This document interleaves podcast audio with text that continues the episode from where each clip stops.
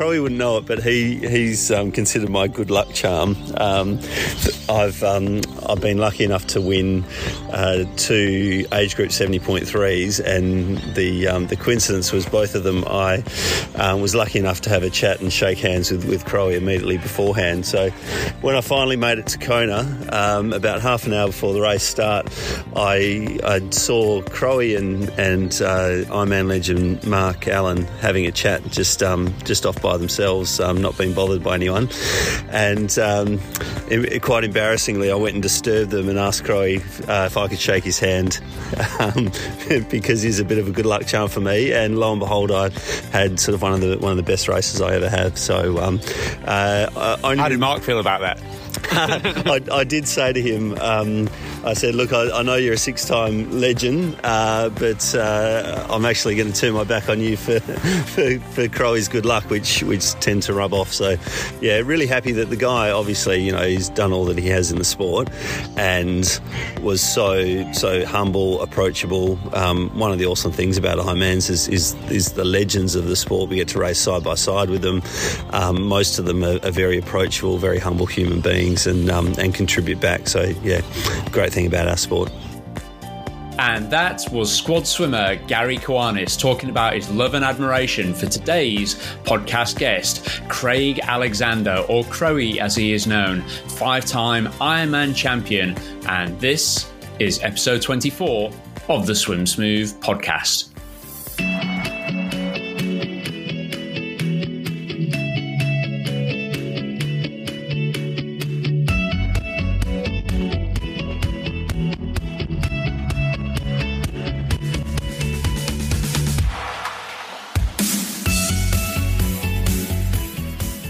Okay, good morning, Adam. How are you, mate? How's it uh, faring over there in the UK? Morning, morning. Uh, yeah, not too bad, thank you. Um, super busy, lots going on, as always in Swim Smooth land. Obviously, slightly surreal with the whole corona crisis, pandemic situation. Um, we haven't done a podcast intro, have we, or spoken since? We haven't. No, that's uh, quite correct. Yeah, yeah. It's been a funny old time, hasn't it? We've just had the announcement actually that we're uh, many of the swimming pools over here in Western Australia are allowed to reopen as of yesterday. Actually, um, our local pool, Claremont Swimming Pool, won't actually formally reopen until Monday next week, Monday the twenty fifth.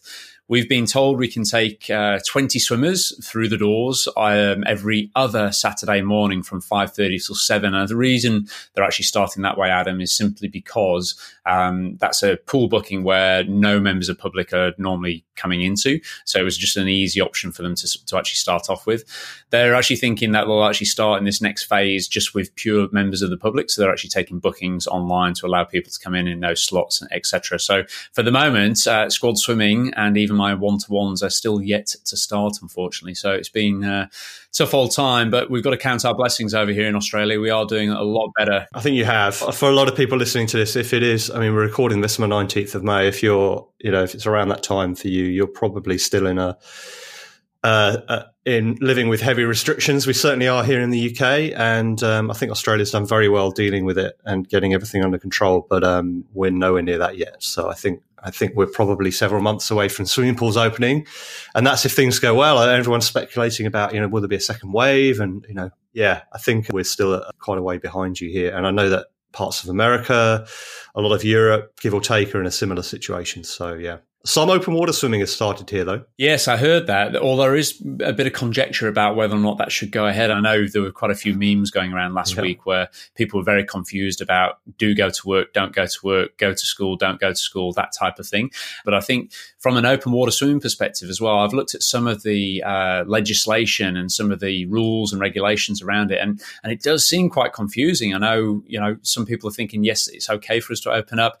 The RNLI um, mentioned that they were quite concerned about um, the emergency services, and quite rightly so. So I think the the idea being that if people haven't been able to swim in a public swimming pool for the last nine or ten weeks or whatever it's been over there in the UK, um, the concern is that all of a sudden all people who maybe even didn't swim that frequently before want to get into some form of swimming.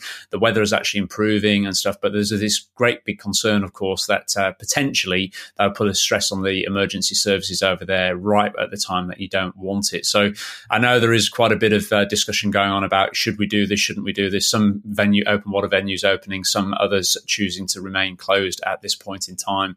It's um, yeah, I, like I say, we've got to count our blessings over here in Australia. And I used to make fun, Adam, when we first arrived here, or when I first arrived here back in the early 2000s we used to laugh and joke about Perth being the city of rules and um, yeah, having these. Did, actually, like, yeah. you know, well, yeah, I know. And even when you when you came over in sort of late 2000s, sort of thing, it being the city of rules, and you know, everyone drives on the freeway at exactly 110 kilometers an hour because everyone's frightened of the police and and getting a speeding fine and these sort of things. But you know, in many ways, what people believe is that because of the way uh, Australia clamped down on things and uh, closed the borders both internally and externally as well and the way that the public has actually responded to that and followed and abided those rules, they do believe that's one of the reasons mm. why Australia is, is coming up uh, coming up trumps. I'm and, sure. I'm sure it's a factor for sure. I mean. Uh, it's been super impressive here in the UK how people have. You're talking about people sticking to the rules, just generally. I mean, the, the, you read the newspapers and it sounds like everyone's disobeying them, but it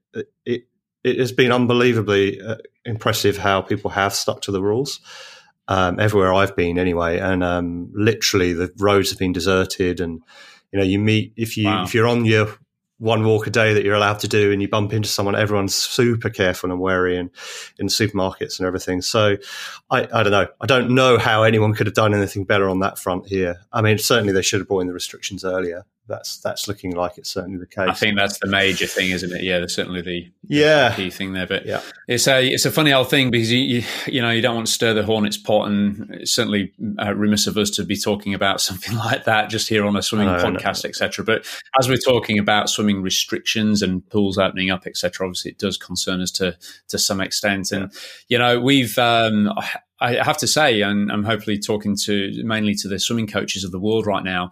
There's this strange scenario whereby I know when we were going into lockdown, we never went into full lockdown like it did in the UK. In fact, many people still continue to be able to swim in the open water, up and down the beaches and in the rivers and etc. and stuff like that. But from a um, running a small business point of view, i.e., swim coaching, it was fairly loose initially about what you could and couldn't do. So I was sort of left with this moral dilemma, and I'm sure many of these swimming coaches out there will have this same sort of thing in that, okay, well, there's restrictions in place, but they're fairly loose. Does that mean I can still run a training session down at the beach if I've only got, you know, five or 10 people down there? Is it the right thing to do? Is it the wrong thing to do? How am I going to be looked upon by other members of the public, by my other coaching peers, etc.?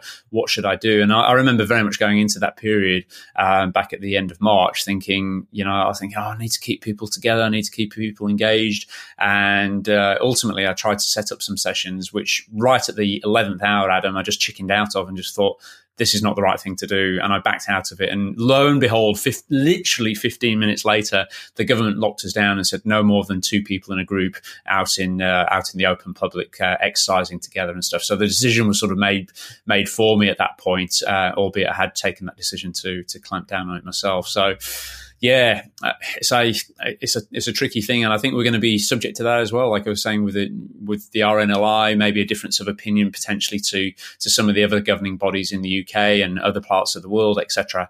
You know, exactly how do you handle that? Do you are you the person to get out and lead the race, lead the charge initially, or do you hold back a little bit?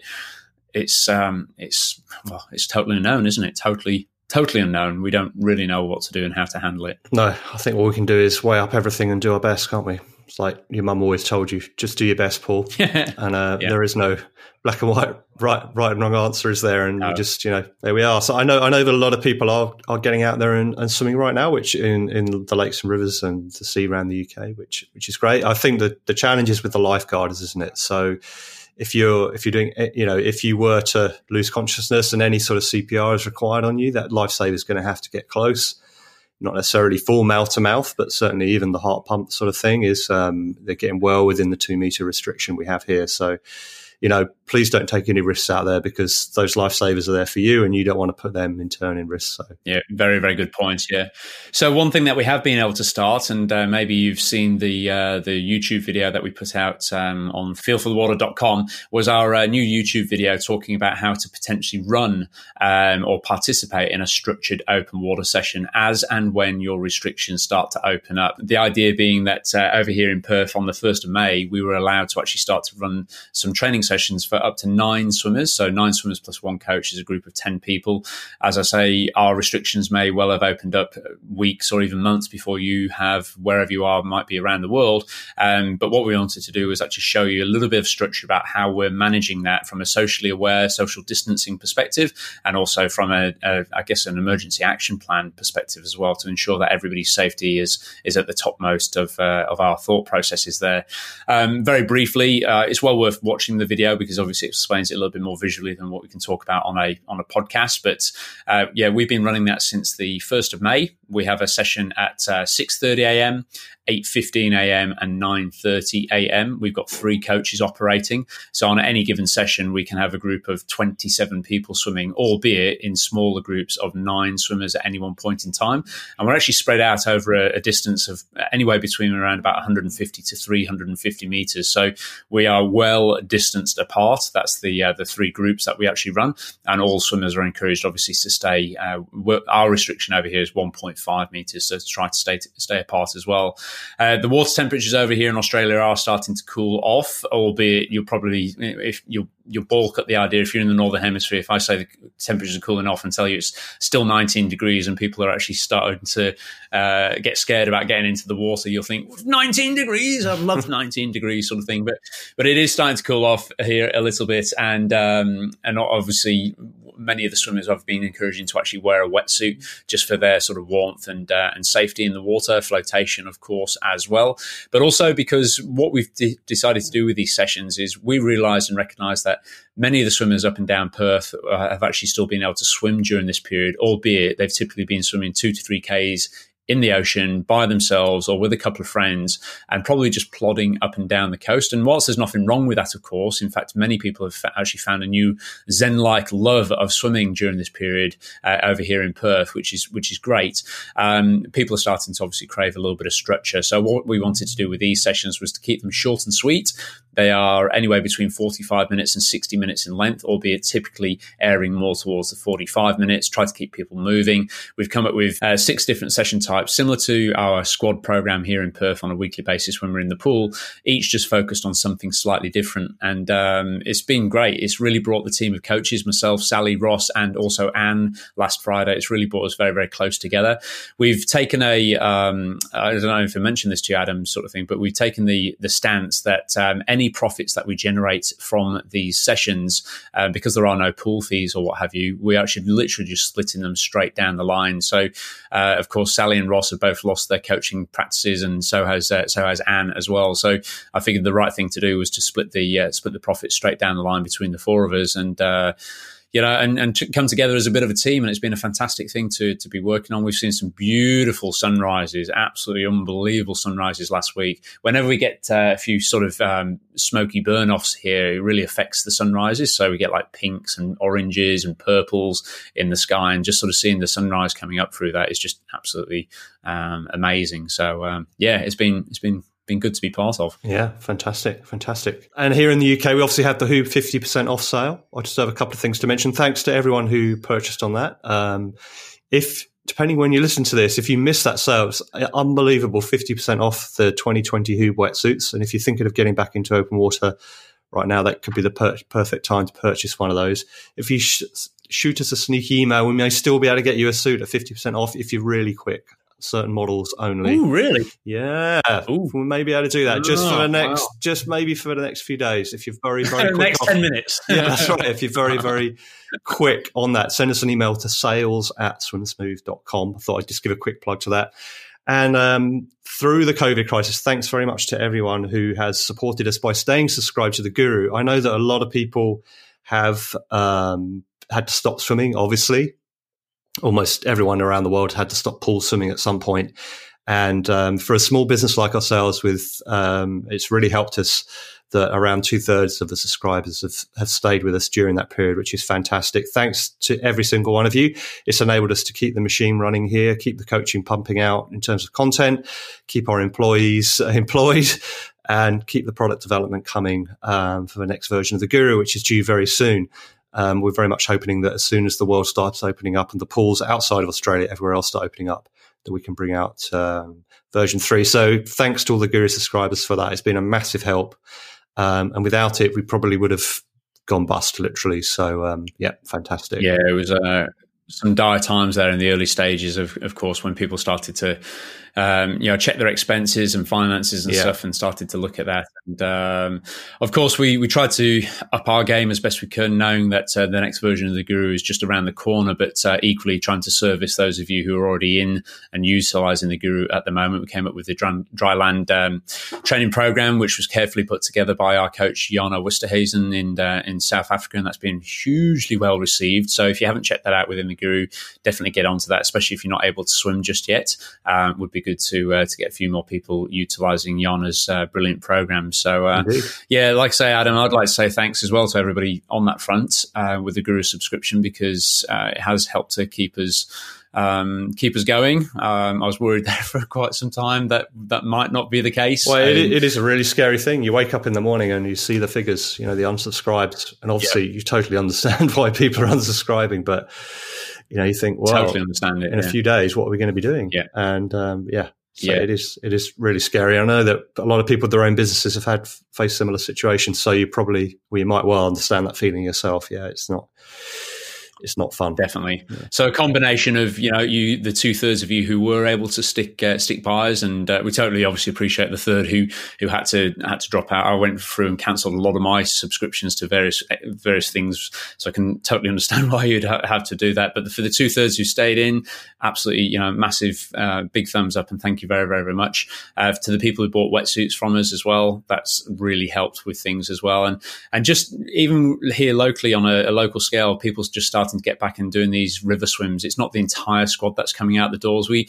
we did get 211 people though last week and the uh, and the week before that, Adam. So it's uh, that's probably around about two thirds of who would normally Amazing. be swimming at this point in time. Amazing, yeah. So yeah, I mean, it, you know, it doesn't sound like a lot, only two thirds of your capacity sort of thing, but um, it's certainly better than zero uh, as it was mm. for quite a few weeks there and stuff. And just knowing that people are coming out and trying to support you and, and with their goodwill and and, um, and endorsement, etc. So yeah, pretty uh, pretty good. But um, and then obviously we've been uh, doubling down with our coaches as well, haven't we? So we, of course, it, it it's hard enough going through the period where you feel like, oh my god, my what's going to happen to my business, uh, my local coaching business, and then you start to think, well, we've actually got 50 coaches dotted around the world who are all going through this together at the same time. Cool.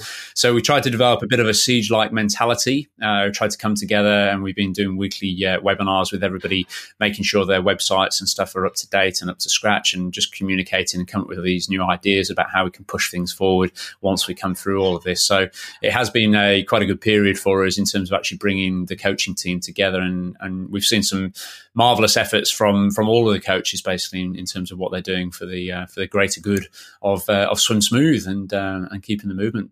Totally, never waste a good crisis, Paul. Indeed, was it Churchill who said that, Adam? I don't know actually who said it. It sounds Churchillian, doesn't it? Churchill. So it sounds Churchillian, but I don't. I don't think he said it in one of his speeches, did he? It sounds like something he might have written in his memoirs or something like that. I don't. I don't know. Yeah. Answers on a postcard to Clement Paul. There we go. Yeah. So Adam, on our uh, podcast today, then we've uh, waffled on there talking a little bit about COVID. Uh, it'd be remiss of us not to mention it, of course, and and tell you where we're at with things. So thanks for listening to that little section just there. But on today's podcast, we have Crowie Craig Alexander himself, five-time Ironman triathlon world champion. He won the uh, the full distance in 2008, 2009, 2011 in Kona, and then also he won the inaugural uh, 2006 70.3 world championships, and then again in 2011. In fact, in 2011 he won both the 70.3 and the full in Hawaii in the same year. This guy is an absolute legend, and uh, I know many of you will be a big fan of Crowie. I think one of the things that I like most about him, um, we met him. Can you remember Adam? We met him in a sunglasses hut in in America in um, in Boulder in Colorado. We were staying and doing some training there with Dave Scott and meeting up and staying with our friend, uh, very close uh, friend uh, Tim Don as well over there. Big plug to Tim, and uh, we were staying with him, and we just got the invite to go down and go and meet uh, Alexander. I'd never met him before. It was great to sort of meet him. We were only there for a, a very quick five minute chit chat, weren't we, and stuff, but. We've stayed in touch over the over the period, and it was great to um, to be put in contact by. I should give this guy a bit of a plug, Chris Southwell, who was actually on one of our coaching courses last year in Sydney. Uh, Chris emailed me excitedly a couple of weeks ago and said, "You'll never guess who I've just done a video analysis with." I said, "Oh yeah, go on then," and he said, "Craig Alexander." I said, "Oh, really? Well, that's fantastic, uh, amazing." He said, "Yeah, but you'll never guess what." He's never done one before. And Crowie actually gets into this in the podcast. He talks about this idea that he just can't believe that in his entire career, spanning 20, 25 years or so, he just never did a video analysis of his swimming. And he sort of thought, you know, with what Chris went through with him from based on some of the stuff that we did on the uh, Swim Smooth three day coach education course, he was just sort of blown away by yeah, some of the, yeah. you know, some of the relatively easy tweaks he could have made to his stroke over, the, over that time and stuff. And you know, he, he talks a lot about his uh, his background and uh, getting into triathlon in the in the early days. I was always really curious actually with with Crowie because he he's somebody who I've who I've followed a lot over the years, um, especially obviously over the Ironman distance, but when I first arrived and when he was sort of coming onto the scene, when I would say when I first arrived in Australia and he was sort of coming onto the scene in triathlon, he was never mm. that prominent in Olympic distance triathlon. That's really where my passion in triathlon started. And we talk a lot about how his passion was always more for the longer distance stuff. Uh, we talk get into about uh, talking about injuries and, and, more specifically in his case hmm. illness. He had um, he was more played with illness than he was with injury, and uh, talking about how he missed out on some of the uh, key races like the 2002 uh, Manchester Commonwealth Games uh, triathlon, and then 2006 he also missed out in Melbourne as well. And it sort of put him on this bit of a trajectory uh, and path to uh, to more the longer distance stuff. And you know, I, I, I, jokingly said to him, he said, I said, it just seemed like you burst onto the scene on, on long distance triathlon, and I never really saw you in the Olympic distance. And he sort of goes into into why that would have been the case. But uh, you know, he's four times triathlete of the year with the US Triathlete magazine. You don't get uh, that sort of accolade unless you've done something uh, really quite big. And six time uh, world triathlon champion himself, Dave Scott lauded uh, Craig Alexander as the first true men's champion the sport has seen in many years. And we discussed that a little bit on the on the podcast as well because obviously getting an accolade like that from the big man Incredible. Dave Scott yeah. is uh, yeah, is pretty uh, is pretty big, isn't it? Craig has actually uh, raced quite a lot over here in Western Australia and always turned up. And whenever I've seen him racing, it always just seems like he's totally under control. There's just this ability to sort of smooth out the ups and downs, which is something which I'm personally not very capable of doing myself. I tend to be much more up and down. And uh, Adam, you're very good at doing that. You just sort of you know, and it, and it is a compliment. Being, it is a com, being monotone in my book is be, is a compliment. You know, just sort of being able to sort of handle the the highs and lows, and that's sometimes it's a, more of an illusion. And I'm, I'm wondering that with with Craig, whether um, you know, if he had had a lot of struggles with illness, whether you know this this surface calm that everyone sees isn't actually the inner calm or not, or whether he's like that, or I don't know. Sometimes it's more of an illusion than real. You know, if I am that sort of measured person myself, then you know, you, internally it's all going on. You just sort of you just wish to be calm on the outside, I guess, more than anything. I don't know. That's just it's just personality, isn't it? It's just natural, really. Yeah, so, um, so, yeah, yeah. No, I'm really, I'm really looking forward to this one. I'm, I missed it. I missed the call. It was super early on on Monday, uh, yesterday morning, wasn't it? In it was four a.m. and I didn't realize it. But you, you, were you were possibly keen to actually join in. I just didn't realize you would. I was going to do it. Yeah, four a.m. though. Four a.m. nah, I would have been all right. Come yeah. on, you were swim coaches. Yeah, yeah, that's, that's, true. That's true. Got to no, get yeah. No, so I'm a little bit gutted to miss it, but um, very much looking forward to listening to this in a minute. Yeah, absolutely, absolutely. Well, Craig also talks a lot about. Um, we interview him about his uh, his brand, his coaching brand, which he um, delves into now. Sans ego, uh, which is as he talks about uh, French for without ego, is the idea behind that. And uh, you know, he talks about this whole idea that if you um, you tend to feel good and when you when your life is less cluttered and you're full of optimism, sort of thing, when you're actually feeling good about yourself. And one of the things he talks about is this idea of trying to lose part of that ego and um, and just being able to listen to the advice and experience of other people who have had an influence on him as an athlete over the years, people like Dave Scott, and uh, not coming into it constantly, you know, questioning what these uh, experts in the field would do, rather than actually just sort of sitting back and, and actually just listening and taking on that experience and going with it and and acting without ego. I mean, there are there are many prolific stories um, in the last two or three years about very good athletes who are coming up onto the scene who are nearly on the top level, um, but have always sort of challenged and constantly switching between coaches and jumping around, etc possibly to their detriment. And Craig wasn't like that. He was uh, a guy who would actually sort of listen and absorb and take on board the, this advice. And, uh, you know, obviously the results show. It was uh, it was amazing. He's actually coming up, Adam, just to his forty uh, seventh birthday, which is uh, three days after my wife's own forty seventh birthday as well. And believe it or not, he's a physiotherapist, a qualified physiotherapist as well. So uh, wow. him and Michelle actually have quite a lot, quite a lot in common there, which is, which is quite interesting. He should have had Michelle on the call. I know, I know. And Craig's Craig's own wife is only uh, I think two days apart in birth date as well. So a load of Gemini's all together there. If, if I'm getting my zodiac star sign lines uh, correct and uh, and together. But, uh, but there we go. Yeah. When when's can when's cancer start? Isn't that that around that time? Cancer. I know Michelle's definitely. I'm the 25th of June. And you're cancer, I'm you? putting myself at risk of identity theft now. 25th of June is cancer. Uh, well, we need to do a little check on that, but I'm pretty sure Michelle's the twentieth this year. Michelle's the nineteenth. Nineteenth. Yeah. Nineteenth. Nineteenth. Yeah, yeah, yeah, yeah. Okay. Well, right. he might be a Cancerian. Borderline Gemini yeah. Cancer. Yeah. Anyway, there we go. Yeah. Any um, astute yeah. astrologists? Any astrologers out there? Yeah, yeah. Not sure, but anyway, there we go.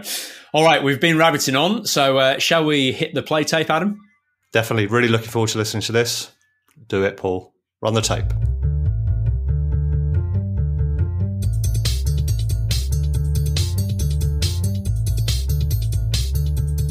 Okay, Craig, thanks very much for joining us on the uh, podcast today. How are you, buddy?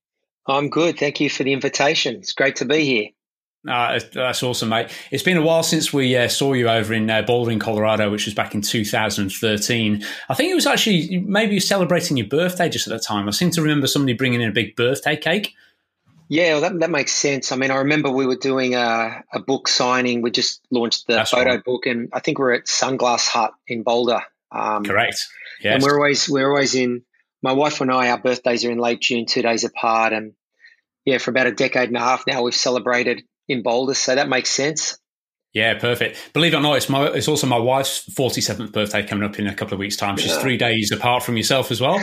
And here's a little quip of uh, factoid information here. She's also a physiotherapist, and I know you studied physiotherapy. Did you ever ch- get a chance to actually sort of practice as a physio, or was it just something which you then moved on to professional sport? I've never practiced uh, in the sense that I got paid, but I practiced the knowledge every day in my career. So, um, maintaining my body, I guess, in a in a good state for operating at a high level, and just the knowledge in and around the degree was was very helpful. But um, never actually practiced in the sense that I got paid um, as a physio. So, uh, my wife yeah. always reminds me of that when I tell people that I'm a physio. She said, "No, actually, you've never practiced. I don't know if you can say that." So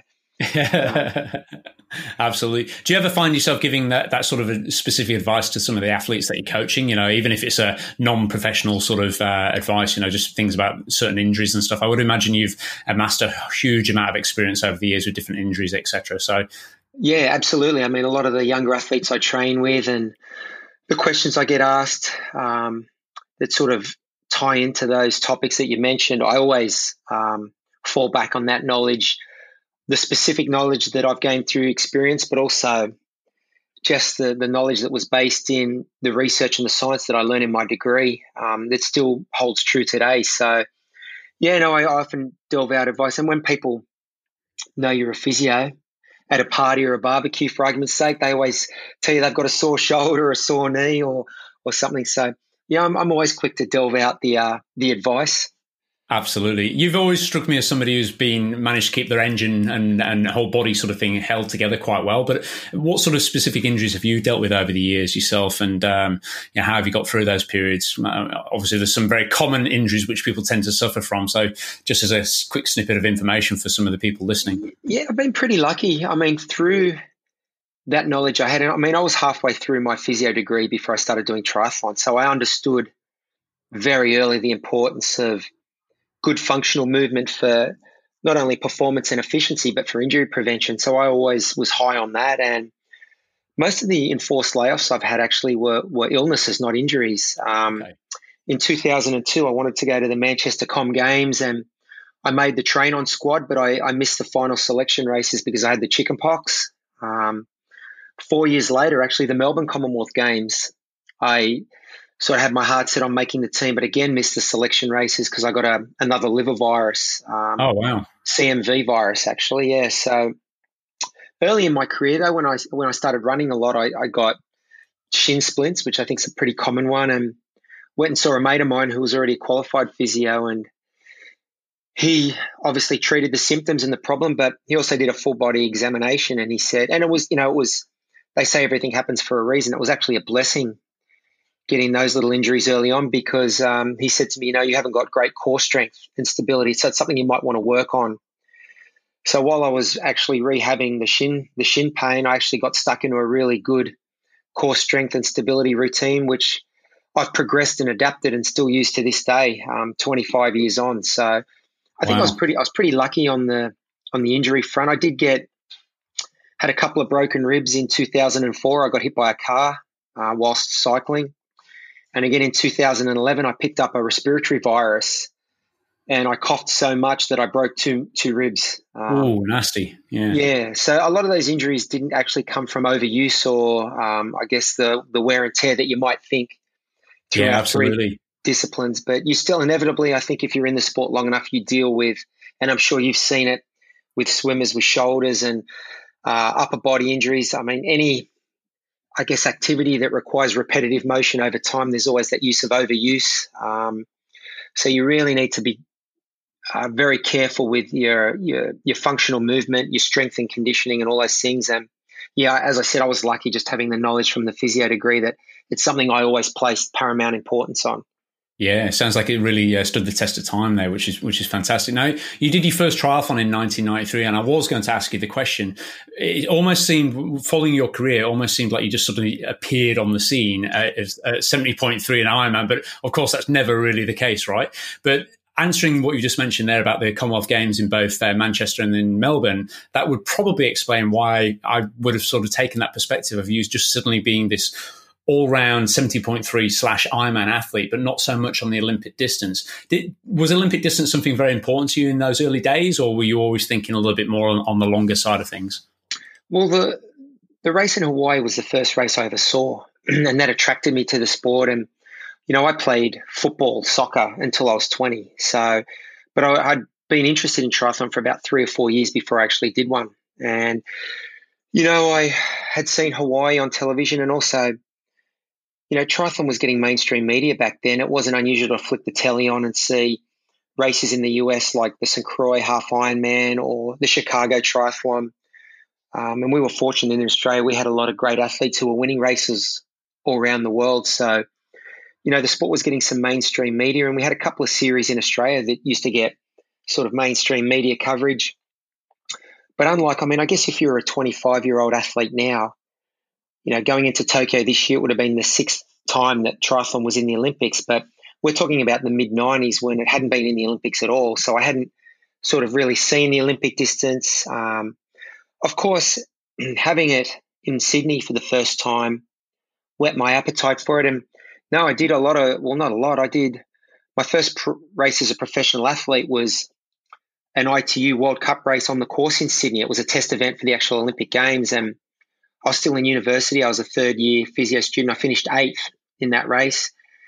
And because I was at uni full time, I didn't, I wasn't on the circuit, so I didn't do another ITU race for 12 months. Um, right. Okay. At, yeah. at, the end of 1996, I did the ITU World Cup race in Auckland, New Zealand, which I finished fourth in. Um, but then it was another 12 months until I did another one, which was the Sydney World Cup race in 1997, and I finished ninth that day. So, you know, I was in, I was in or around the top 10.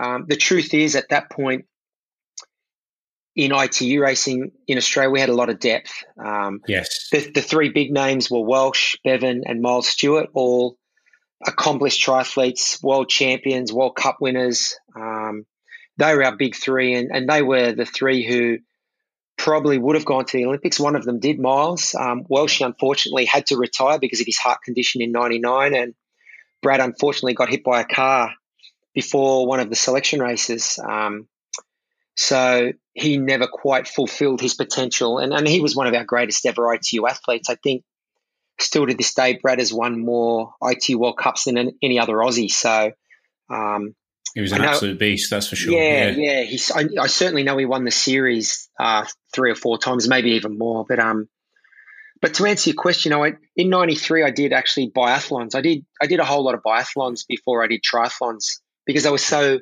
common in in Australia. Most surf clubs put them uh, the, the, biathlon being the uh, swim and run using the pen, modern pentathlon yes. rules. Is that right? Yeah, yeah. It's certainly yeah. how I grew up as well doing that. Yeah, it was yeah. quite well weighted towards the swimming though, as I recall. You know, well, they used to mix.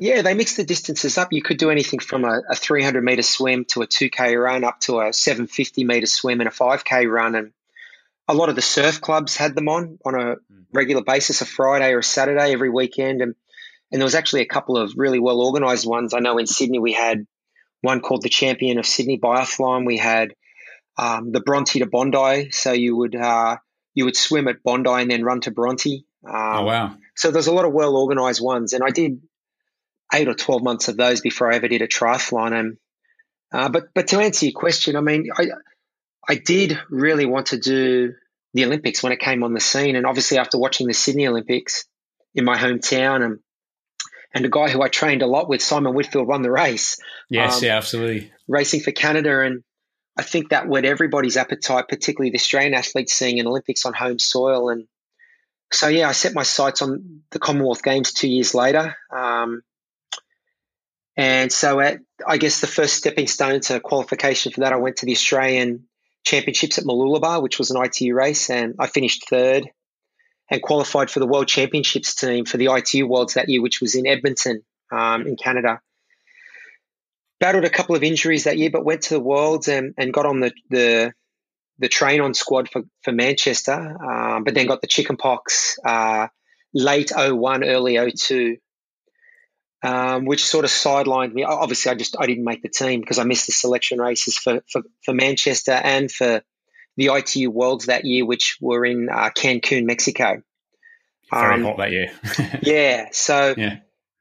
I guess I had then had to find something else to do. It was a long rehab after being very sick with the chickenpox for three months. And, you know, ultimately it led me to the US to race. Um, you know, the, the Australian coach at the time said to me, and rightly so, because I wasn't on the team for Com Games or Worlds that year, that you know, I probably wasn't going to get a World Cup start for 12 months, uh, which was understandable because they had to prepare the team for both those major championships. And but as a professional athlete, I needed to find something to do. So I ended up going to the US for the first time to race. And you know, in fairness, I was probably always going to end up there anyway because they were the races that I'd read about and seen on television. And I went there in 02, uh, trained in San Diego, and really found my niche there. I loved the racing. I mean, I ended up racing all the guys who went to Manchester anyway. I remember yeah, racing. it's a great spot with yeah. Stuart and those guys. Yeah. Yeah. So, I mean, a yeah, lot yeah. of the races I did in 2002 in the US, uh, for instance, the LA Triathlon, I raced Simon Lessing, who just come from Manchester and the Com Games. Um, you know, you also had Craig Walton, um, Paul Amy, uh, Olivier Marceau, who was an ITU uh, world champion, Spencer Smith, who was a two-time ITU world champion. It was one of the best um, Olympic distance fields I ever raced. Actually, was uh, the LA Triathlon in 2002. Brad Beven was in the race. Yeah, um, it was a um, monster. Yeah, so you had you had three or four of uh, the ITU world champions. Obviously, Lessing had accumulated four or five ITU world titles. You had a lot of guys who'd podium at worlds like Paul Amy and, and um, Craig Walton. And you also had a lot of the guys who were doing the non-drafting circuit, like Conrad Stoltz, Matt Reed, uh, Mark Lees, Greg Bennett. And I just really enjoyed that style of racing. So that's where I entrenched myself for the next three or four years. And my main races each year were races like Chicago, um, LA, the Lifetime Fitness Triathlon, uh, which was a big money race in Minnesota.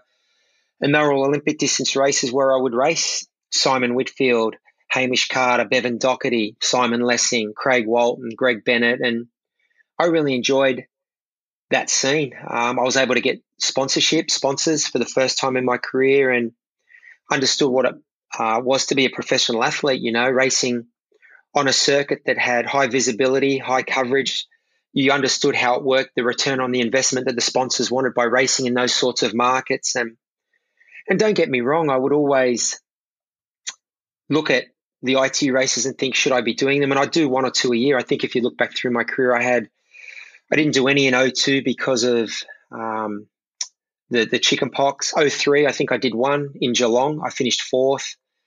Uh, Craig Walton won that one. Hamish Carter was second. Bevan Docherty was third. I came fourth.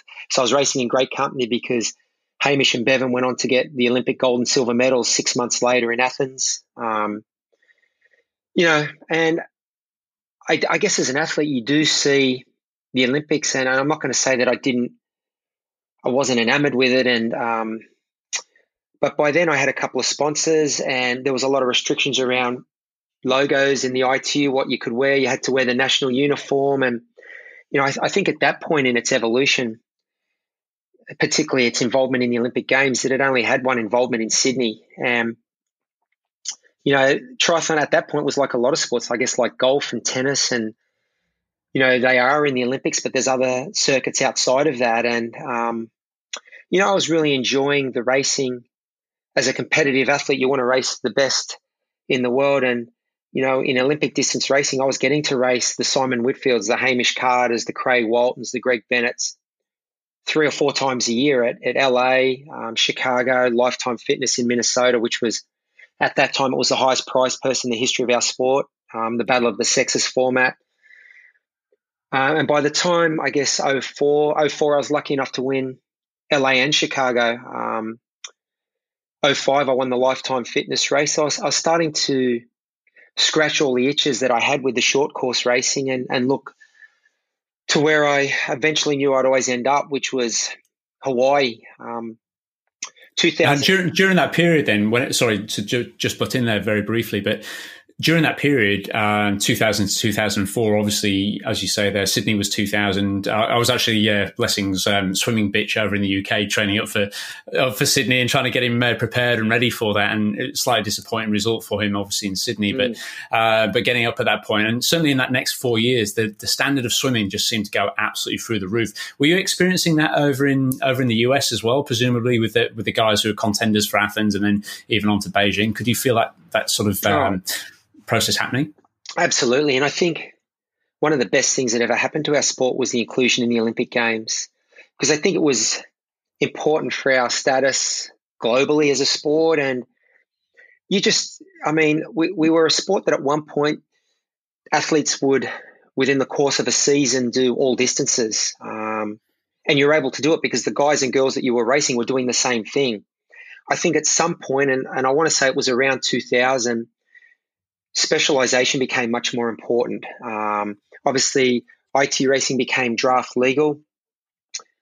Uh, swimming became very important, and, and, and draft legal didn't certainly mean easy on the bike. It meant a little bit more tactical, but it was very hard racing.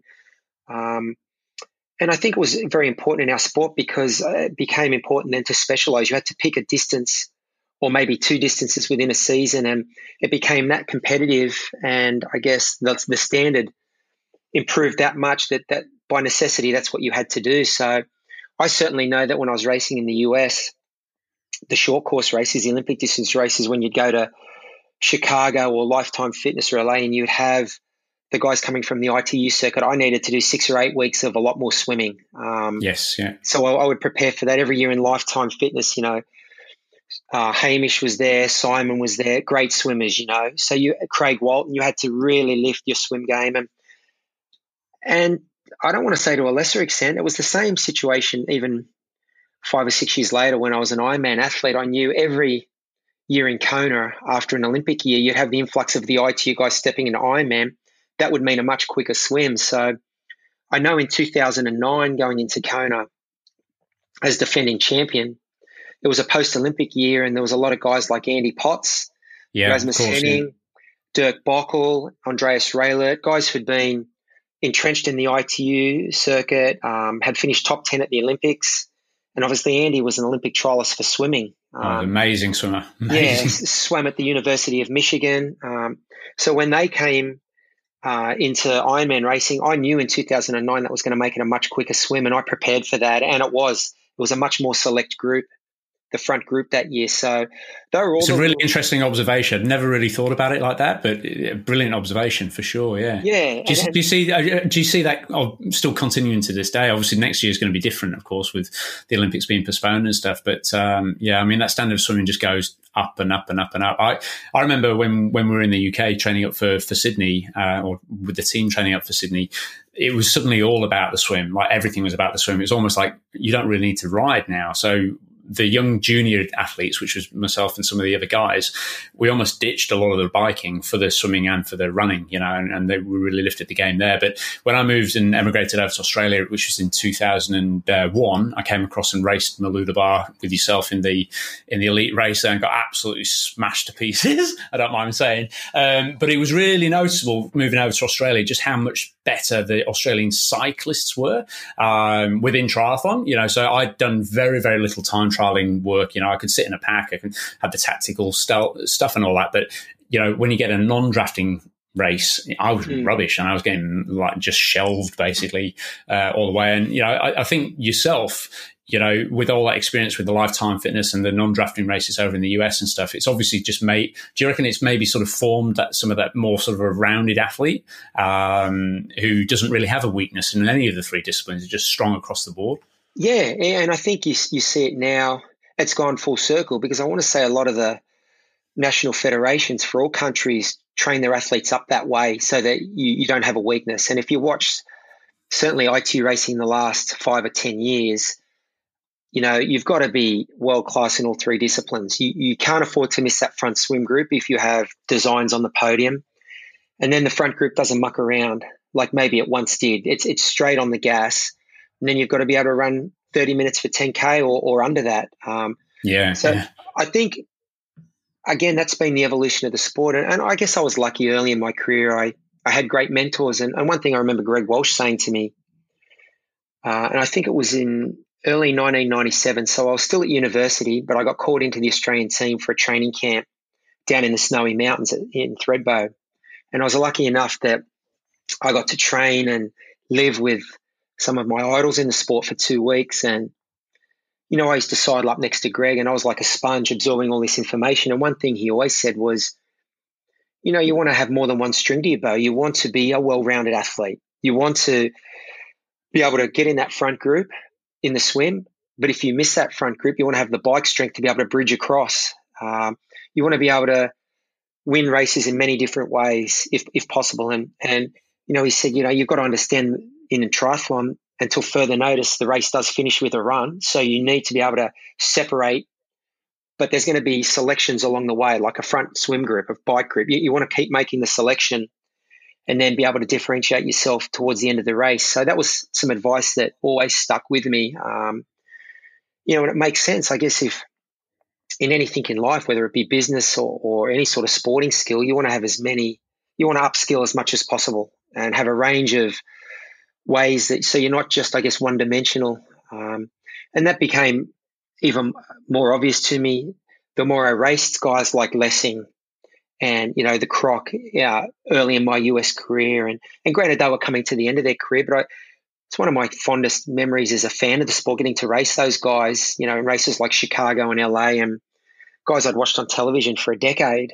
And you know, if you, you, you mention names like that, and, and these days, I guess the modern day equivalents are your Alistair Brownlees, your Javier Gomez's, Jan Frodeno's. There are no weaknesses.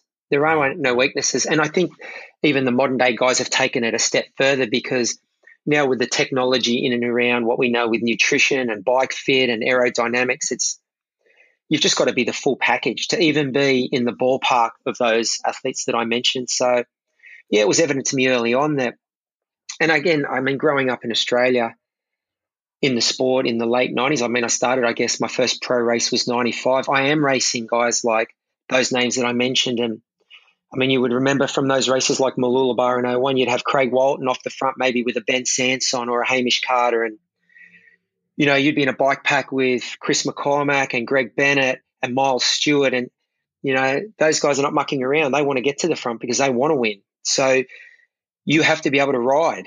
Um, and I just, you know, it's the old saying, a rising tide floats all boats. You saw what the level was and you either got yourself to that level or aspired to get there or um, found another pastime.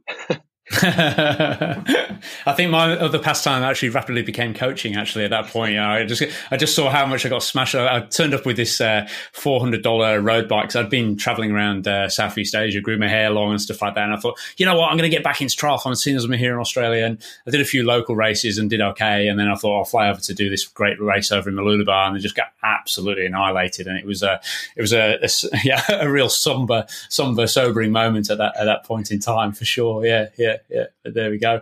Um, Dave Scott, uh, a legend, very famously uh, mentioned that uh, he believed that you were the first true men's champion in many, many years. That must have been a very nice feeling, something nice, you know, for somebody like Dave to actually say, you know, Dave being very well rounded himself and being able to win in all in all different sort of distances and um, in conditions as well. You know, that must have been a great thing to hear from from him. Yeah, I mean, I think you know, you hear people say all the time, you don't race for for the accolades or um, and you don't you have more intrinsic motivations. You you you know i can only speak for myself but i love the challenge that the sport of triathlon presents trying to master three different disciplines and racing on all different courses some hilly some flat some wetsuit swim some non-wetsuit. You have to get a range of skills um, but to hear that kind of uh, i guess endorsement from someone like dave yeah no that was one of the favorite things I ever read um, that was written about me. Um, because, you know, when you're a sports fan, and I mean, I, I grew up playing soccer or, or, football and loved it. And, and the award that, I mean, you love to get player of the match, but the, the award that all players loved was the Players Player Award. Um, sure. When, when somebody else who understands what it takes gives you uh, credit, that means a lot. Um, you know, I was fortunate to win some awards from the media and um, our national federation, and, and, and they're all humbling and and you know you love to win them, but to hear uh, credit like that from Dave, yeah, um, it did mean a lot to me because obviously he won in Hawaii six times and he set the bar really and was a pioneer on the on the men's side anyway. Um, inspired generations of athletes to follow. So yeah, that was really nice to read and um, it's one thing, I guess, I think at the time you think, oh, that's really nice, but it's, it's more something you reflect on when you get in the twilight of your career because you, you get a little more philosophical and you think, well, what, what was it all about? What was it all for? As much as I loved it um, and it was able to become my livelihood and my profession, uh, and it was always a passion. I think the things that really stick with you and that mean a lot is, is if you've been able to impact other people or inspire other athletes or get other athletes' attention and, and that kind of praise from Dave. Yeah, it's it's something I I look back on and think, yeah, it was one of the nicer things that I read about myself for sure throughout my career. Definitely, definitely. I think you know, having done triathlon myself in the late '90s, early 2000s, and stuff, and um, reading something like that, and also knowing what the sport was like at that point in time. I know when it shifted to draft legal and uh, Olympic distance, going to the Olympics, etc. Um, there was very much this feeling that okay, well, the sport is getting a little bit soft at that point. People used to think, you know, okay, draft uh, non-drafting uh, legal races, you know, the, the, hard men come out and the guys who can swim, bike, and run and be all great at all three. But there was definitely this lull around about the early 2000s where there was this almost this period of I wish we could just go back to the days of the, the Brad And the Simon Lessings, you know, where the guys who could who were the all round package were actually winning all three things. And you know, things have changed these days. You know, you'd never say to an Alistair Brownlee, "Hey, you're not the all-round mm. package," because he certainly is, of course, yeah. now. But there was definitely that period I felt where triathlon almost seemingly went backwards to go forwards at that point. point, and um, yeah. And obviously, you know, getting that uh, getting that sort of uh, certification, as it were, from Dave, and and just sort of saying that's absolutely fantastic. Yeah, yeah. yeah. Well, I think, um, I mean, I, I remember that time well, and I think that's why after the Sydney 2000 Olympics and maybe the 02 Com Games, a lot of the guys came to the US to to rediscover that style of racing that you mentioned. I know Lessing moved there full time. Hamish Carter was a regular on the US circuit. Bevan Docherty, Greg Bennett, Craig Walton, all those guys showed up again in 02 after being on the ITU treadmill for a while. And you know, I want to say it was guys like Jan and Alistair who probably changed the sport again and the perception. I think so, yeah. They were the, like you mentioned, sort of, I guess maybe 05, 06, definitely if you look at the Olympics in, in 08, Jan winning and, and Snowy on the women's side. um, and Javier Gomez up there, and, and, those sorts of guys, I think, and girls. That they were the ones who. But I do remember it was it was there was a lot of that sentiment around, uh, like you just mentioned, and maybe that's why a lot of those names turned up in America again after the US circuit was sort of like that in the sort of mid early to mid 90s, and then maybe people drifted away to try and make the Olympics. And then I think everyone showed up again in like sort of 02, 03 again. And but certainly by the end of that decade, ITU racing was firmly established. I remember Alistair coming on the scene. I think it was in 09 as a young man and just running the table. He, he won every race. He won everything, every single yeah. race in 2009. Yeah, yeah. unbelievable season. One one of the great seasons ever. He just went off the front in every race from from the gun. So yeah, yeah, it was absolutely fantastic. I, I remember 2008 in Beijing when uh, you know he was right up there in the mix on the run, and obviously faded a little bit towards the end when he you could just sort of see him overheating a little bit. But you yeah. knew you knew big things were coming in 2009. So, uh, Craig, during this uh, during this period, then the last uh, sort of let's say eight ten weeks or so with uh, COVID 19 and coronavirus circulating the world, how much of an impact has that had on your coaching career uh, these days? And care to sort of reflect a little bit on on what this last sort of period has been like for you? Yeah, it's been interesting. Um, you know, I think what we've seen globally is unprecedented in terms of not only in our realm, the sporting realm, but economically, um, the impact on, on people's livelihoods and just the uncertainty.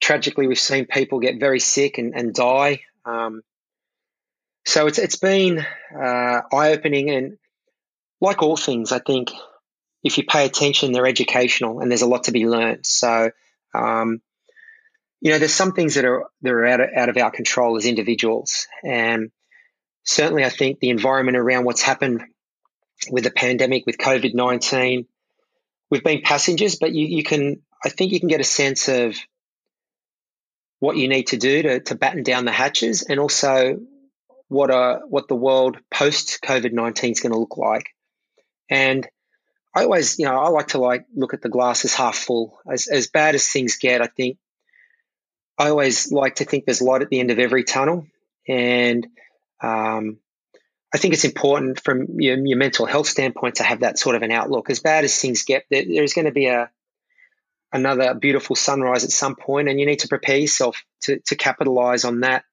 mentally, emotionally, physically, financially, all of those things. So you know, I was at the point, I'm, I'm 47, as you mentioned, um, in a month. And in a month, yeah, sorry. yeah. So, I mean, I still, I still love to race. I raced five times last year. I think the last five years I've averaged between three or five races a year. When I do race, I like to put out a performance I'm, I know I'm capable of. So I don't just go in it to make up the numbers. It's very important to me to race at a high level it's certainly not my day to day priority, but I'm, I'm, certainly looking to transition into other things. And I do have the coaching business, as you mentioned. So um, our business, understandably, has taken a, a hit. You know, mm. people are rolling back.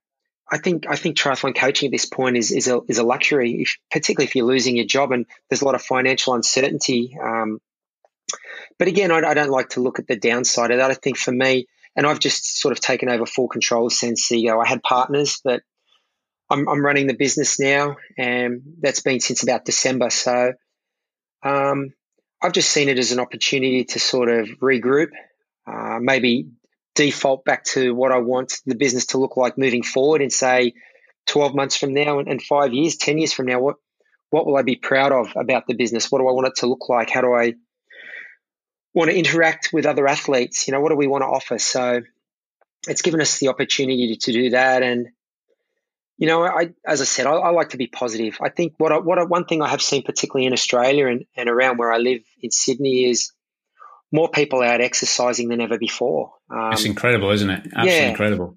And I was going to ask you if that's the same. I think that's an Australia-wide phenomenon. It might be a worldwide phenomenon. People getting out and walking, running. I've seen more people riding. I certainly know on social media. I've seen there's been a lot of talk in and around the UK on trying to extend the bike lanes now and active transport um, infrastructure.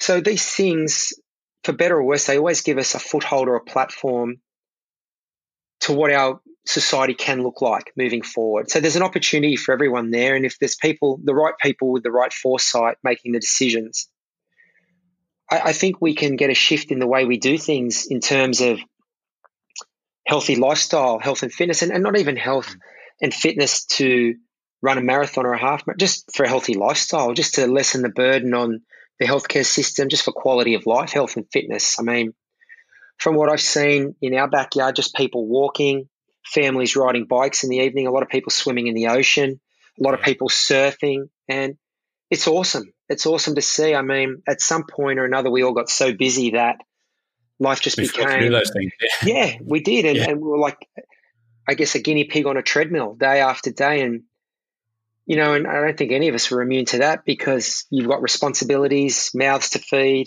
Um, That's right. But I think this is a chance to. I know you asked the question about our business. It's it's a chance for me to, I guess, take stock and say, well, what do I want this business to look like moving forward? Now's the chance to maybe put some plans in place, long term plans that we can get a foothold and and put a line in the sand of what we stand for. Um, you know, I always feel we were a lifestyle company who were high on performance. I mean, mm. obviously, we were born out of high performance, and that, that can mean a lot of things too. That that can mean, I mean, high performance can mean someone who's a corporate working seventy hours a week wanting to do their local park run.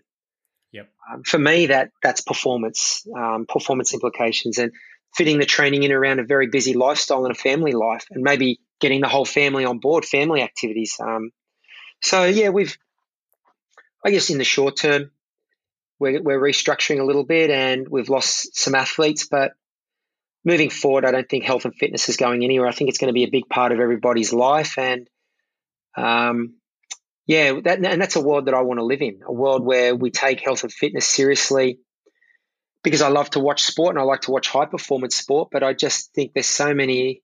If we've learned anything out of this situation the last three or six months is that being healthy and having a really strong immune system can have benefits outside just being an athlete. So, um, yeah, we're just trying to lay down some nice foundations now. So the next six months we can, you know, regroup and, and get back in the game, but also just forge ahead with a, you know, I guess a mission and a, and a personality that is true to what, you know, the reason that the business was set up. Yeah, absolutely. I've always uh, admired the the company branding Sansego. Tell us a little bit about that from the, I guess, from a philosophical point of view, because I, I, think a lot of it rings true with where people are probably at in their lives right now through all this coronavirus. Yeah, it, it, my manager Franco actually coined the phrase, and he and I have been together for 15 years, and, and we're good friends as well as having a professional relationship. He knows me very well. Um, has navigated the business side of my career for a long time.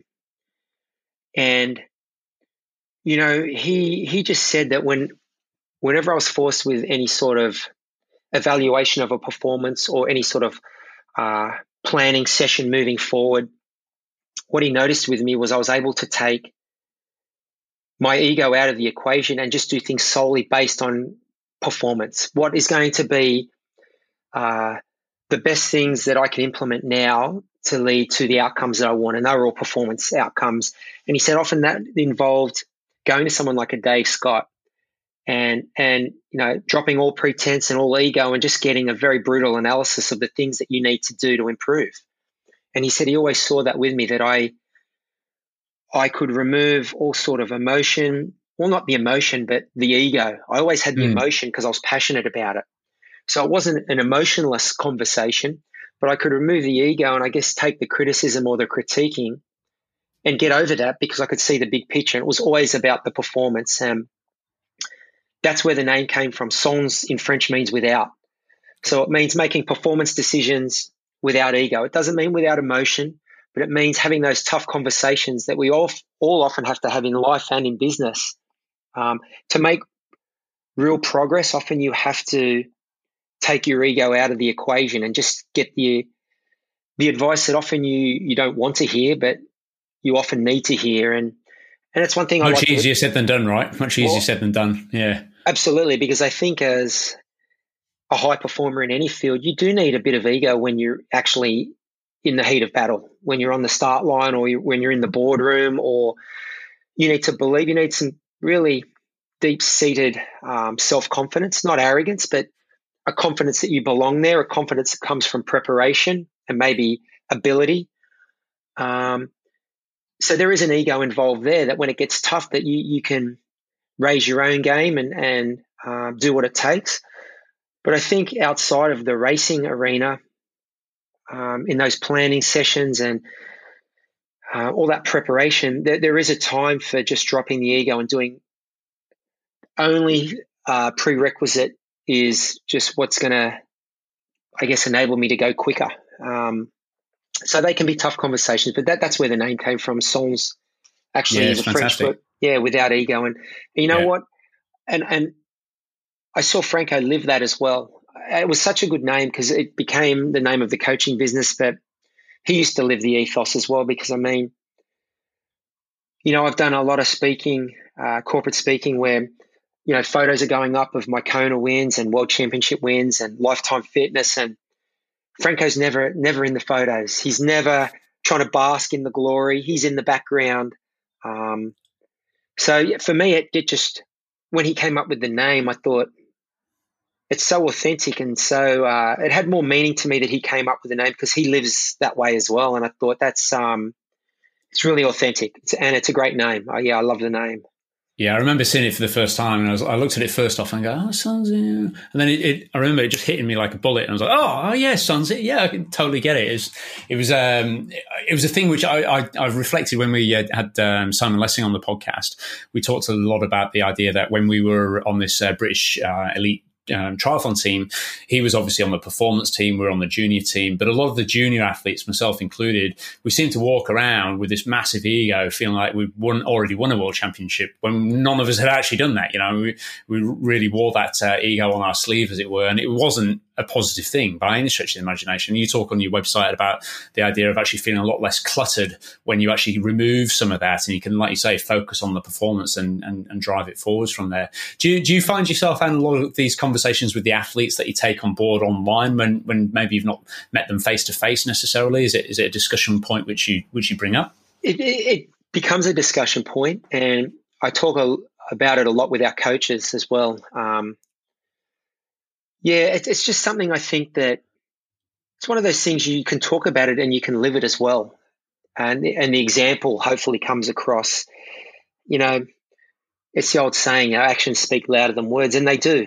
Um, and I mean, you talked about what it was like, you know, in the in the British setting with the, with the younger athletes, and I think all young athletes are like that. I think with the benefit of experience and hindsight, and then someone like Simon who had achieved so much, in my opinion, one of the greatest triathletes of all time, certainly in the top three.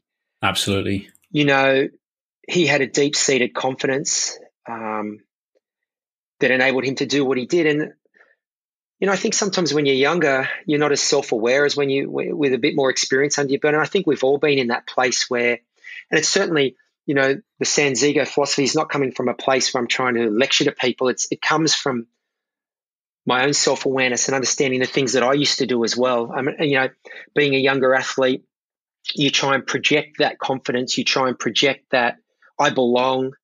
Mm. Um, maybe when you haven't got the results to back it up, but you are desperately trying to belong. So at that point, that's all you do have. So, um, yeah, it's it's an interesting philosophy. I, I, just am a firm believer that we're all different. Ath- you know, athletically, we're different. Physiologically, mentally we're all different emotionally um, and a big part of our philosophy just comes from a, you know an honest self-awareness of the the things that we need to be better Definitely, definitely. Now you've obviously set up uh, Sans Ego as a training platform online. Can you tell us a little bit about how hard and you know challenging it was to actually set it up as a you know as a software as a service type of uh, type of platform and stuff? Obviously, you're doing a lot more than just simply offering a software. You have got that face to face interaction as well, etc. But what was it like actually building the platform itself? Can you take us back to when you were doing that? Yeah, well, I would love to say that I was involved in a lot of that, but I had a couple of really good business partners at the time who did a lot of that. So I just outsourced for the expertise that I needed. Um, because when we set the business up in about 2014, obviously these things are time consuming and I was still racing. And even though I was phasing out of uh, Kona race, like that was the last year I did Ironman racing, I still wanted to race at quite a high level for a few, a good few years. And I felt my main two priorities outside of family, which is always, I guess, your main priority. Professionally, my main two priorities were the races that I did do. I wanted to be committed to those, um, and also my sponsorship relationships. I had some great partners who uh, had supported me, some of them for over a decade. Um, and whilst I guess you do repay a lot of that in good faith when you're able to win world titles, a lot of the leverage that they're looking for in, I guess, a partnership is not just the winning. That's important, but they want to utilize the partnership in other ways, maybe at expos, trade shows, um, you going to their re- their key retailers and meet and greets with their actual audience. And I think that's an important part of sponsorship as well. So I committed to being more available to those things that you typically don't have time for when you're training to win world championships. So on the business standpoint, yeah, I just I outsourced and got some help, um, and they did a great job. We had an IT guy, Chris, who helped launch a lot of the platform. And I just in last year, I just as I started rolling back the racing, and that that's an inevitable, I guess, part of my evolution with my age, and and it's not just because of my age; it's just where I am in my life now. Um, you can only get on the race course with very competitive, hungry individuals. It, it's a different, that's a different beast. Um, and I think I fit into that world very well for, for 20 odd years. Yeah. But at some point, you know, there's other things and, and just other versions of myself that I wanted to be as well. Um, so, yeah, I've assumed total ownership of Sansego now. And so we're in the, I'm in the process of paring it back, getting the website redone and not overhauling things because in essence, our philosophy is still going to be the same. Sure. Um, our mission statement, all those things that we wrote five years ago still ring true. And so none of that is going to change our philosophy. Um, I'm, I'm going to put a uh, link to that philosophy in the show notes, actually, Craig, because it, it, like I say, it does really ring a bell to, uh, well, to me personally, but hopefully a lot of our listeners out there as well. I think it's a, yeah. it's a fantastic mission statement and something to definitely try and live by for, you know, as best we can do, you know? Well, I think in this time, like you mentioned, it, it can ring true because a lot of the times our feedback and our goals are oriented around performances in races, and those races have been removed now. So, of course, yeah. I mean, and, and, don't get me wrong, I'm I'm as goal driven as a lot of people, but I also have other goals that are more intrinsic around performance. And I know all the work you do, there, there's a lot of things that we can do to focus on with technique, efficiency. We can tie up goals around elements of performance that often get moved to the side when you're just looking at a race result or trying to qualify for a world championship. And it's more that bottom line that we're looking at rather than the myriad of things that go into the bottom line. So I think that's where I felt, you know, as a mentor and a coach, and even with my own training in this period through COVID 19, when you remove the racing, it doesn't mean you have to make what you're doing less impactful or less meaningful. You just have to have a little bit of a mind shift. So I know that was something you wanted to talk about, and it's something that's been very influential and helpful to me throughout 25 years as a pro athlete, that sort of mindset. Definitely. I think, you know, obviously, like you say, because the events have actually disappeared off the calendar at the moment and stuff, there was definitely a noticeable uh, feeling and sentiment over here in Perth that, okay, there was no races, we're going to stop training.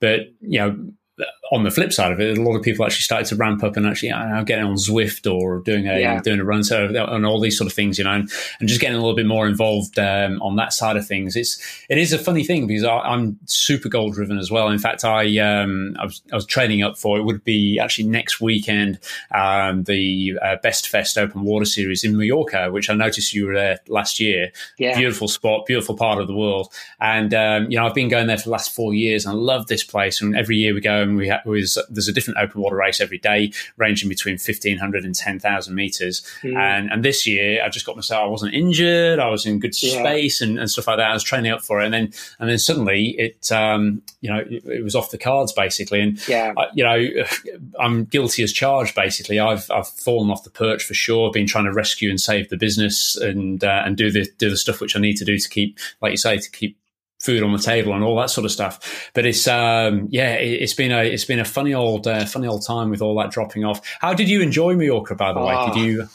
It's amazing. it was my it was my first time there. One of our coaches, one of the foundation coaches with Sansego, Frank Jacobson, he lives up there, and um, ah. he'd been trying to get me up there for five or six years, and it was just hard stepping back from serious racing six or seven years ago now. I it was just hard to travel away from the family because I'd already spent a lot of time away and but I finally got up there last year. We ran a camp, and actually, I was meant to be there right now. So, isn't it interesting? We're having a Zoom call from our home offices, but we could have actually been face to face, face to face in Mallorca. Yeah. Absolutely. We'll get back there again. It's it's an incredible location. The open water swimming is incredible. The bike riding is incredible. Um, Do you do the yeah. Sa Calobra ride? Sa Calobra, incredible. Oh, it's amazing, eh? incredible ride. The Puig Major, um, the yeah. Cap Formentor, uh, rides that I'd I'd seen on the net on social media. I finally got to to do them, and it was yeah, it was just amazing. And you'd be riding along, and you'd see professional and ex-professional cyclists and triathletes just out on the road, mate. It was yeah, one of my favourite uh, training weeks ever was was really, in New York yeah. last year. So I'll, I'll definitely get back there. Hopefully, um, we can look, lock horns in a few of these open water swim races next year. Yeah, that's right. So, t- talking a little bit about what you mentioned, obviously you've raced, you know, on average between three and five times a year. Just even though you've tied things down a little bit, um, are you do, are you planning on doing some open water racing potentially? What what sort of of the three sports? Which what if you if you could no longer do triathlon, which of the three would you sort of gravitate towards more if you're doing solo events? You, know, think? I think I would do open water swim races, and I would probably try and run a good half, maybe even a good open marathon on the road. Um, All right. Okay. Yep. Yeah. I mean, running. It's the one thing that I said my whole career. Once I'm done with triathlon, I'm done with running. Um, it's very hard on the body because of the impact. Very obviously. hard. Yeah. Um, but you know, I, I do. I guess have that seed planted that it'd be kind of nice to just to train for one event and have, yeah, yeah, have all that extra time and um, I know I didn't I didn't swim growing up. I, I started I played a little bit of water polo in high school and I was in a swim club. But it wasn't until I started doing triathlon as a 19 or 20 year old, or actually doing those biathlons as a 19 year old, that I actually got in a swim squad for the first time. And um, I know one of the things, one of one of your disciples, actually, Chris Southwell. Oh yes, filmed, yeah, absolutely, yeah, yeah, filmed me swimming a little while ago. And it's something I wish I had mentioned years yeah. ago. And it's it's interesting. It's the one discipline. Tell us about that. What did that What did that feel like having having somebody taken some video footage of you and never really done it before? What what what what was it like? It was so insightful that I I kind of was I was mad at myself for not having it done ten years before. Um, wow. Because you have a picture in your mind's eye of what you think you look like and all the things that you do um, mm. and your tendencies. Uh, a lot of the swim squads I was involved in were within, uh, obviously with swimmers, uh, single discipline athletes or surf lifesavers who are great swimmers. Yeah, yeah. Uh, guys and girls who swim close to four minutes or in the mid four minutes. So I'm just sort of swimming on their coattails, trying to get my. I always thought that if I was in 430 or 440 shape for a 400 yep. meters, you're I was in, in any good state here. I was in any front group in a triathlon. Um, sure.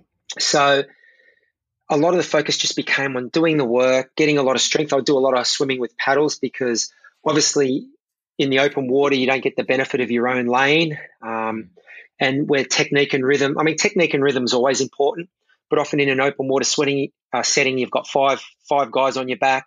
You're rounding a swim can, so you're you're losing momentum. You've got to get get up and running again. A lot of strength, maybe turnover rather than length of stroke. Um, so all those open water um, nuances. But then efficiency is always important, isn't it? I mean, mm. and when I saw the video of myself swimming, it was nothing like I thought I looked like. And, you know, I what, my, what, specifically did you think then? What, what, where were you? I moved my head a lot more than I thought okay. I did. Um, my hand entry and my catch wasn't what I thought it was. I've always had a, I hurt my back in 2012 in the gym and always I've always felt since that point I didn't have the rotation um, and the hip drive in swimming. And and I, looking at this, I was I was I was a lot flatter in the water than I thought, and right. I wasn't getting I wasn't getting the full extension on the catch. I wasn't getting that hip rotation and. And granted, when, when Chris filmed me, I hadn't had a massage in about two years, so I was probably as tight as a board. But it's just one of those things where I think, you know, the goal in any event that's a repetitive motion. So doing the same thing over and again, and especially the same thing over again for a long period of time, it becomes about efficiency and quality of movement. And I always knew in the swimming sense I was compromised a little in the upper body because I didn't have that swim technique from a young age and I didn't have the flexibility in my shoulders that a, a 12 or 13 or, a 14 year old learning to swim would have. Um, yeah, so when Chris filmed me, I just saw straight away that there was an opportunity to get performance gains without the hard. slog. And look, the hard slog is always as you know, it's the cornerstone and the foundation of success. That doing the work, getting in that consistency of training and all of the disciplines. But it's also about reinforcing good habits over time. It's also about if you're going to do that work and you can get 1%, 2%, even 3%. I mean, watching that video of myself, I thought I can get way more efficient. And it was one of the things that I started doing was swimming a lot more with a snorkel um, and not being as mindless. Like these days, the last five years, a lot of my training has been as much a mental release from business and other things that are going on. So I just jump in the pool and mindlessly swim.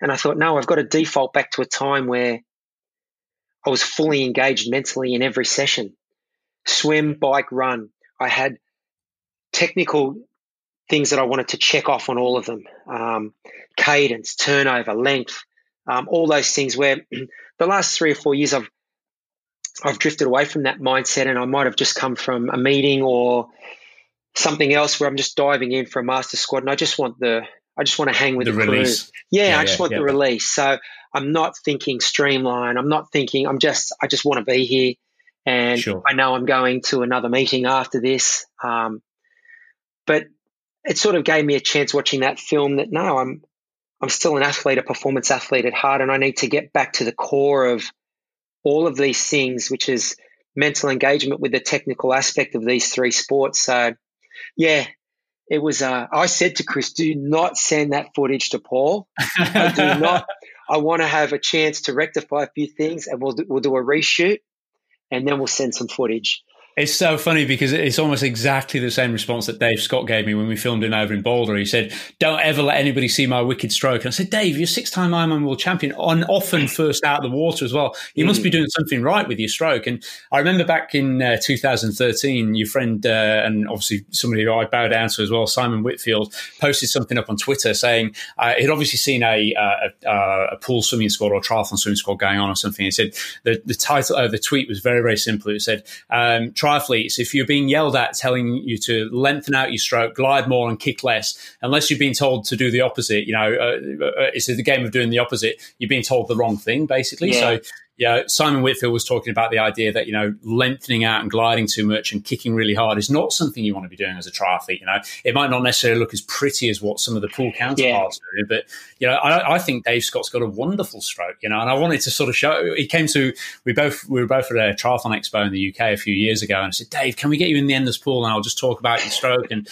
he said, I've got a terrible. I'm, he calls himself a hack, and I said, mm. you're not a hack, Dave. You can't be a hack if you you know with all this, but um, but there we go, you know. And I, I, think, like you say, rhythm and timing, absolutely essential elements and stuff. And even though something might not have been your background necessarily, you've obviously taken it to a very, very high level indeed, and, and, and done what you needed to do to get to get to that level of that. And we we speak all the time. We've got a um, we've got a young kid in the uh, squad at the moment. He won the Australian Open Water uh, Championships last year, uh, so he's 18 years of age. He's um, just only over five foot tall, so he's like mm. five foot two. He's a tiny, tiny little guy. He's had a bit of a growth spurt recently. His name's Byron Kimber, but he specifically came and joined our squad a couple of years back because the coaches at a previous club were telling him, Byron, you're never going to amount to anything. You're not tall enough. You're you're taking 55 strokes to complete a lap and stuff, and you've got a stroke rate of over 100. But I actually believe that's one of the reasons why he's as good as what he is at the open water because his stroke is really rhythmical. And we've yeah. seen people come alongside him, who are, you know, a foot taller than him, much longer stroke,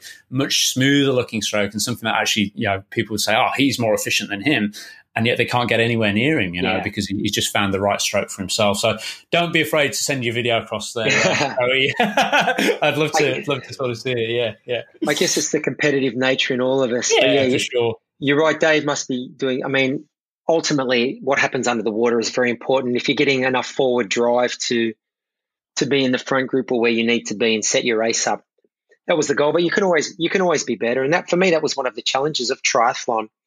You're looking at three disciplines, and and I used to look at who are the best proponents in swim swimming, who are the best cyclists in the world, who and you want to get somewhere between where the best triathletes are and where the best individual or single discipline athletes are. But it's it's a great point you make about that open water swimmer because I mean that's that's the essence of coaching, isn't it? I mean, I think over time certain theories get generated and with experience you see certain patterns develop and in theory someone might come along who breaks the mold and I mean that's the essence of coaching. It's it's easy to take a I guess a genetic freak or someone who's built to do something and just enhance that, but a good coach can still get the most out of someone who maybe doesn't fit the mold. Um, and for me, that, that that's great coaching. It's yeah, it'd be wonderful to you know, I guess if you're a swimmer to be six four and have the wingspan of the albatross, albatross yeah, yeah. Or, or, or the kick of a of an Alex Popov, and but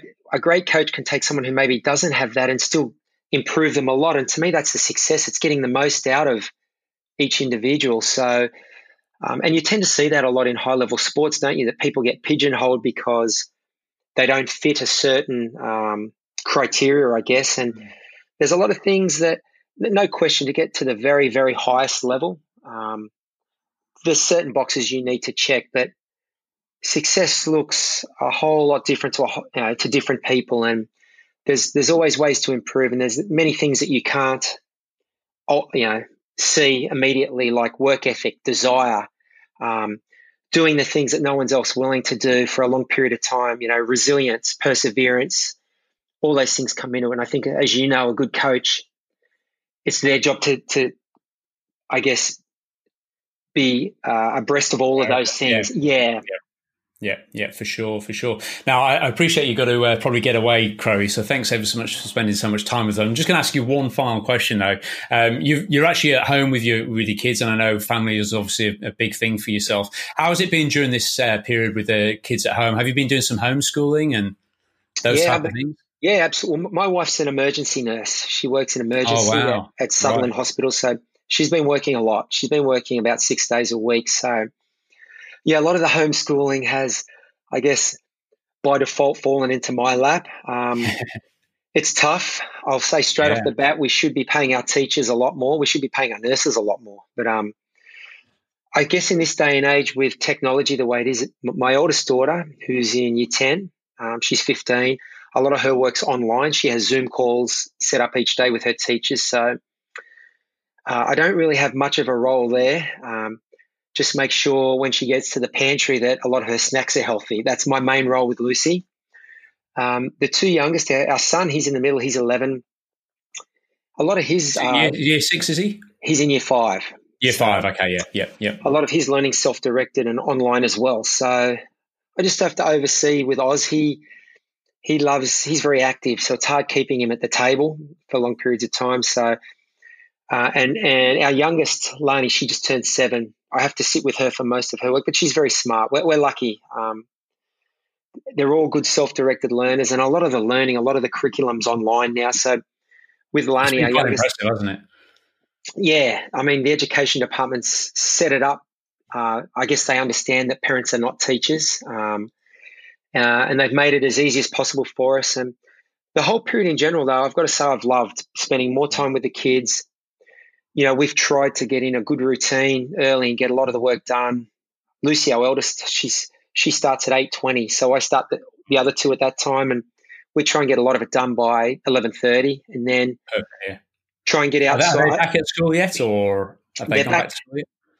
Lucy, our eldest, goes back on Wednesday, uh, so in okay. two days, and the two youngest they went back. They're back a day a week now, so they started last week. They had their first days, and they're yeah. At this current level, um, they've eased the restrictions, but we're only a day a week. So, um, yeah, right. yeah, and we're just trying to be active too. We're trying to. We're lucky. We're. I guess we're coming into winter here, but we've had great weather. So, I've been surfing a lot with my son. He's into surfing. He paddles a board a lot too. So, right. Been getting out and about. A lot of family bike rides. Um, the two eldest, Lucy and Austin, are both very good runners. So, been running right. as a family. Yeah. So. Oh wow! Cool we've just been trying to exercise, keep it fun. Um, yeah.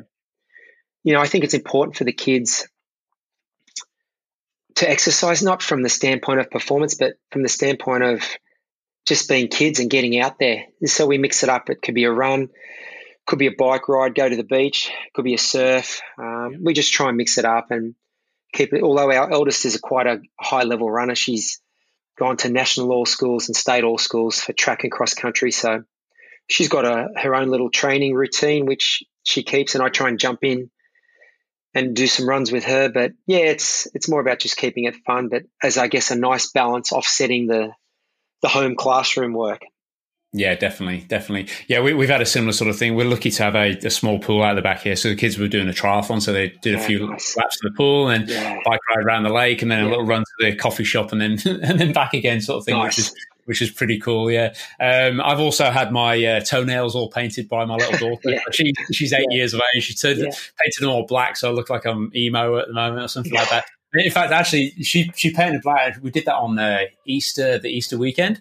And funny enough, I've actually just I, I, thought rather than actually wipe it off, I've actually kept it. So they're actually growing out. Is this black? And I think once this black has all disappeared, then hopefully Australia and the rest of the world might be back on a on a bit of an even keel and, and moving forwards. But you know, I think um, I mean most of my family's still back over in the UK compared to what they've got at the moment over here. We're very very lucky to be over yeah, here in Australia with absolutely and stuff with the government and stuff. So, yeah, but, uh, but there we go. Excellent. Well, Crowie, thanks ever so much for spending so much time with us today, telling us a little bit about uh, your background and your history, and obviously about Sansego and the philosophy behind all of that. I will put all of those in the show notes as well and point people over to over to the website and stuff because uh, I think it, it is a fantastic philosophy to to abide by, not just in normal day life, but especially right now and stuff. So, so uh, yeah, thanks very much for taking the time, and uh, it's been an honour having you on the show, sir. Oh, thanks, Paul. It's great to reconnect. I mean, we do go back a little way and um, meeting in Boulder, but obviously you've been in the sport a long time too, and we know a lot of the same people. So um,